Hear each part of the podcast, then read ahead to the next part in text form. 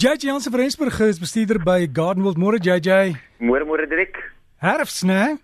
Daar's 'n buite in die lug. Mm. Ja, die blare wat so val, weet ek sien nog steeds mense wat sakke vol weggooi. Is die beste kompos, né? Ja, die beste kompos dan, weet jy nee, is nogal heel interessant in ander lande waar mense nie tuine het nie, waar hulle nie groot spasies het nie, sal hulle moordpleeg om my blare in die hande te kry om kompos mee te maak. Jy weet, hulle noem dit mos 'n leaf mold of 'n leaf mulch. Yep. En hier in Suid-Afrika, ja, ons ons verskrink geneig om net die area te skoon te maak en alles net weg te gooi. Ja, ek moet sê in my tuin, ek het so 'n deel waar daar klomp bome is en ek los die blare en jy kry nou daai reuk van van 'n woud. Jy weet na so 'n paar jaar dan slaan dit deur en ek sien die goggas en goed, hulle is mal daaroor, die voëls is mal daaroor. So hulle bly uit my tuin uit. Weet jy Derek Janie is baie waar wat jy daarso sê. Daai klein mikrobes en ander insekte wat ook onder daai woudmat ontwikkel en lewe, bring soveel ander wilde diere en wildlewe in jou tuin in dat dit eintlik net so lekker is Derek. Maar weet jy, is eintlik waar my praatjie vandag begin. Daar's eintlik nou so baie plante wat se blare afval. En die vraag is altyd, los mense dit of sny ons dit af? Jy weet vir al die blare op die plante begin afgaan, hy begin geel word en so aan. Dit is baie maklik. Los dit vir eers, want dit solank as moontlik wat jy moet dit moet jy dit op die plant los sodat al daai energie wat in die blare self is terug in die plant in kan terugsterf. Onthou want jou plant se energie moet nou in sy stamme en in sy wortels in beweeg vanaf die blare. So sodra mens ook nou begin terugsny, gaan jy baie nuwe groei uit jou stamme en uit jou takke uit en uit jou wortels uit kry en dan gaan jy koue skare kry net so voor die winter of net so oor die winter met al hierdie nuwe groei. So wag eers daarmee totdat jy sien die blare het nou heeltemal teruggevrek en hulle gaan niks meer vir die plant beteken nie en jou plant is heeltemal dormant voordat jy iets aan hom doen. Ek self is natuurlik mal oor die winter en vir een rede en dis omdat 'n mens met soveel meer intense helder kleure oor die winter kan speel. Weet jy as jy kyk na jou wintersaailinge, is hulle net so ongelooflik. Jy kry al daai helder geel, daai rooi, daai pers, daai oranjes. Ek dink net byvoorbeeld aan jou gesiggies, jou papawers, pronkertjies. Daar is soveel wat 'n mens nou in die winter kan doen. Weet jy dit vertoon soveel beter in 'n massa, veral nou oor die wintermaande wanneer mens eintlik daai hitte in jou hart en in jou tuin nodig het wanneer dit alles so koud is. Nou daar is 'n paar basiese beginsels wat mense met saailinge gedagte moet hou. Eerste van alles moet jy mens kyk na watter tipe saailing jy waar gaan plant. Sekere saailinge hou van volson, ander verkies weer meer skaduwee en selfs oor die winter kan mense so van daai skaduwee saailinge bietjie meer in die son ook plant want hulle blom ook mooi. Oor die algemeen moet mense ook genoeg kompos en beenmeel in die grond inwerk voordat mense die saailinge plant. Ons het net gepraat van die kompos. En weet jy, 'n ander tegniek is wat hulle noem 'n no-till gardening. En dis wanneer jy daai blare net onder die beddings los, uh, onder die bome, onder die struike los en jy plant fisies jou plante tussen daai blare. En dan soos jy soos die blare afbreek, sal die erfvorms kom en daai goedheid in die grond inneem. So jy hoef fisies nie self die kompos in te werk nie. So as jy hou van die gedagte, probeer bietjie no-till gardening, geen omdraai uh of geen gronddraai tuin maak. So dit is altyd baie um baie goed om beenmeel ook dan buite sit as mense dit vir die eerste keer inplant. Dit is altyd ook beter om 'n uh, natuurlike baie sterk, mooi gesonde, stewige plantjie te van die begin af te kry. Uh so Ek weet dit is nie altyd moontlik nie, maar gaan loer bietjie by jou kwekerye, gaan kyk wat het hulle, wat is mooi en sterk. Daar's 'n groot verskil tussen dit wat jy by die huis kweek en dit dit wat mense by 'n kwekery koop wat baie sterker gekweek is. Baie keer vir alles mense gesiggies koop en dit is effens te lank in die kassies, het hulle baie keer lang bene. En dit is dan wanneer 'n mens die plantjies bietjie moet terugbreek en nuwe groei moet forceer. Selfs al het jy nou saailinge in jou tuin geplant en dit is jou gesiggies of jou pronkertjies of wat ook al, breek hulle altyd initieel terug sodat hy baie nuwe groei gaan vorm. Want onthou as jy van daai blare en van die blomme ontslaa raak dan gaan hy nuwe wortels eers forceer voordat hy nuwe blare en blomme gaan forceer. En dit is belangrik want dan gaan hy vir jou baie stewiger plantjie gee. Ook so met jou gesiggies en met jou papawers soos hulle begin blom breek al daai eerste knoppe ook uit. Forceer hom om meer te blom. Onthou 'n saailing se hoofdoel in die lewe is om te blom. En as hy meer en meer probeer blom, gaan hy meer en meer blomme vir jou gee.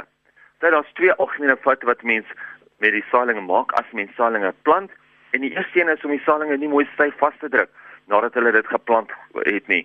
Maak doodseker dat jy die plantjie versigtig vasdruk, dat die mens al die suurstof uitforceer en dat die mens seker maak jy maak jy goeie kontak met die wortels en die grond Want onthou as daar so oop spasies is tussen die grond en die wortels, dan gaan die wortels uitdroog en dan gaan jy 'n probleem hê dat jou plantjies maklik uitdroog. Tweede fout is natuurlik dat die mense nie hulle plante nat maak direk nadat hulle dit geplant het nie. Dit is baie baie belangrik om weer eens daai suurstof uit te forceer en die plante nat te hou sodat hulle 'n goeie begin het net nadat jy hulle geplant het.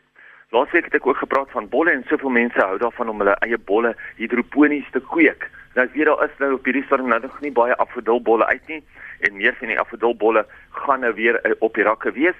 En die belangrikste faktore wat 'n mens moet onthou met jou bolle is as jy hulle hidroponies wil kweek, is om seker te maak dat die bol self nie aan die water raak nie. Die die watervlak moet net onder die bolle wees. So dis net wat jy mense geseelde bakkie vat. Jy sit 'n klompie klippies binne in daai bakkie en jy pak die bolle bo op die bakkie. As jy hom dan nat gooi, onthou die watervlak moet net onder die bolle wees. Dan kan jy hom ergens op 'n tafel of so sommer binne in die huis kan jy dan jou bolle kweek. Baie mense vra vir my waar kry ek binne sy se bolle, maar dit is die manier hoe mense dan jou bolle binne sy kan kweek. Nie alle bolle kan binne sy so gekweek word nie. Jy kyk na jou afodille, jy kyk na jou narsings, jy kyk na jou muscari, jou amar, um, amaryllis, daar is 'n klompie. Gaan praat maar met jou naaste kwekery. So die eerste fout is dat mense die bolle in water laat staan en dan die tweede fout is dat mense nie gereeld genoeg hulle water eintlik vervang nie. Want as jy nie water vervang nie, dan gaan die water anaerobies word, hulle gaan suurstof verloor en hy gaan ongelukkig gaan hy baie gaan hy vinnig vrot word. Dirk, my plant van die week vir hierdie week is die Aloe Porcupine. So vir van julle weet wat hou van alwyne, wat hou van ons inheemse plante en my graag ietsie spesiaals in iets in die tuin wil plant, gaan kyk uit vir hierdie hierdie nuwe miniatuur variëteit Aloe Porcupine. En dit is so sê daar so sê, dit lyk soos 'n klein eystervarkie as jy mens na die blomme kyk, dan lyk dit soos 'n eystervark, want die blomme het regtig dis 'n donker oranje wat oorgaan na 'n roomlig kleur en dan daai onderste blare op die blom hang sommer in enige rigting en dit lyk eintlik baie baie mooi. Dis een van die min albei of wat kom ek sê dis een van die albyne wat wel ook koue en ryp gehard is. Nie alle albyne is koue en ryp gehard nie, maar hierdie ene is wel koue en ryp gehard. Hy lyk ongelooflik mooi as jy hom in massas plant, ook baie mooi in potte. En dit is die ene wat omtrent meer as kniehoogte gaan blom nie. So as jy 'n laer grondbedekker of 'n laer plant soek in jou waterwyse inheemse tuin, gaan kyk bietjie uit vir hierdie nuwe Hello Porcupine. So ons maak dankie JJ, dan net gou 'n vraag hier. Lyk my daar's 'n besie of 'n ding wat bome in die George omgewing aanval, klomp bome sal lyk my daar verlore in die omgewing. Ek weet nie of jy bewus is daarvan nie. Ja, ek sien bewus van die besie nie. Ek weet daar is op die oomblik is om die wit stinkhoude alweer daai uh daai daai daai wollerige plant lys wat die blare aanval en dan word die blare pikswart en taai en die grond onder dit word pikswart en taai en dis net wat 'n mens nou kan jou jou koinor en jou plantkeer kry by die kwekery gebruik sommer beide van hulle dan weet jy van nou af tot en met die volgende seisoen tot en met omtrent November, Desember se kant gaan jy glad nie probleme in die tuin hê nie. So gaan praat 'n bietjie by jou naaste kwekery gaan vra vir hulle, hoe gebruik ek beide van daai? Koinor en plantkeer op jou uh, wit stinkhoude en jy gaan 'n tentjie en ook op daai bome in George kan gebruik waar die besie besig is om die bome op te vreet. Want beide van hulle is sistemies, so as enigiets aan die blaar of aan die buitekant van die stam sou vreet, baie keer kry hierdie houtboorders en net sodra hy begin in die boom se stam in beweeg, sal hy hom onmiddellik dood. En dan net laaste een vandag kan jy uh veselperske pit plant gaan die boom groei. O, definitief ja, jy kan 'n plant, boom gaan groei, gaan nie noodwendig vir jou 100% dieselfde vrugte maak nie. Uh die kans is goed dat hy eintlik 'n ander tipe vrug gaan maak, maar wat baie naby aan die veselperske vrug gaan wees. En ook onthou, al jou al jou perskes word gewoonlik geënt op wilde onderstokke so hy gaan nie so sterk wees en so lank hou soos wat jou gewone geënte bome gaan wees nie. Maar ja wat, is altyd lekker om dit te probeer en altyd lekker om dit self vir die huis te kweek. So gesels JJ Jansen van Rensburg van Garden World en ek sal ook daai foto's gaan plaas op die Breakfast Facebook bladsy van die plant van die week, een van ons inheemse blommetjies, dan kan jy hulle in jou tuin plant en lekker tuin maak.